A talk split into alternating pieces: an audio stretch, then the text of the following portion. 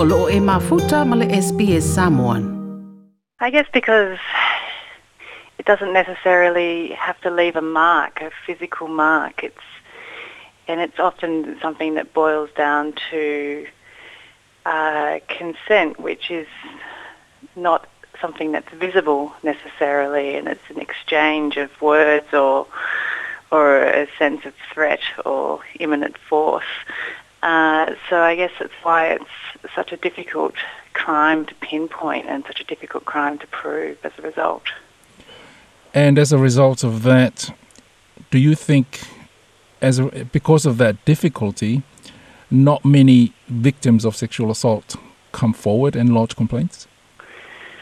I think that may be one of the reasons. I think also there's the understandable reason of um, feeling like you won't be believed, and that's not just because you feel like others don't won't believe you.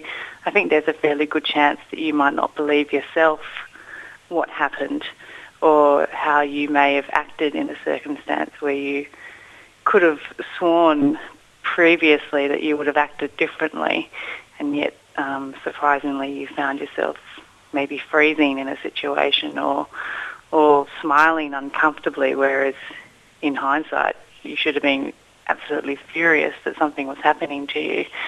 So I think um, a lot of uh, victims of sexual assault find it very confusing to try and articulate what happened to them because it doesn't fit this idea of what we think rape is, which is usually like a law and order version, you know, which involves some stranger in an alleyway and um, someone who who hurts you physically. So it's all really obvious in those sort of scenarios. But I think in the most common scenarios, it's a very different situation and really difficult to articulate.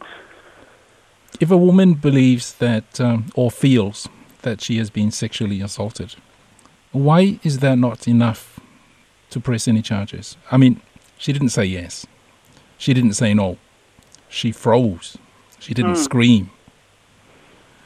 But she didn't say yes. Yeah.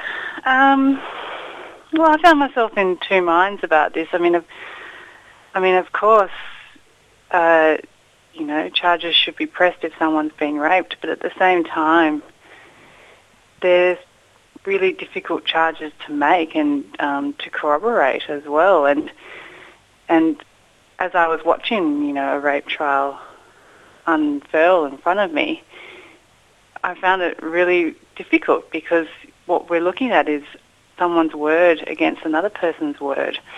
And, you know, as in all of those kind of encounters, it's really, really difficult to pinpoint a truth.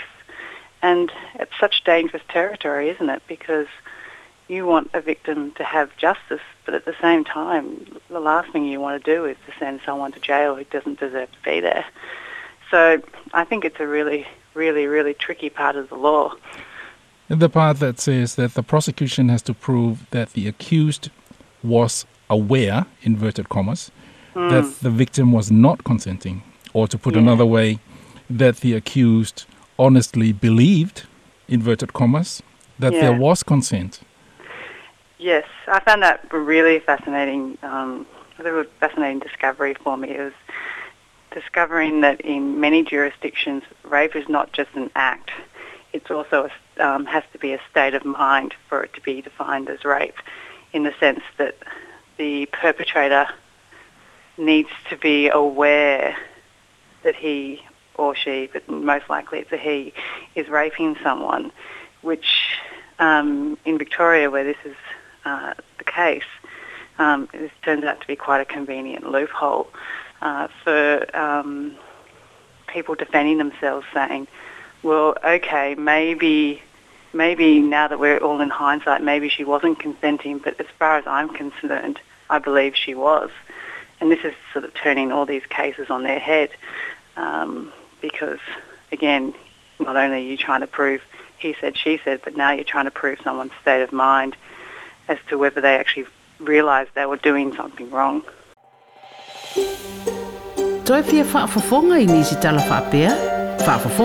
Apple Podcast, le Google Podcast, Spotify, podcast.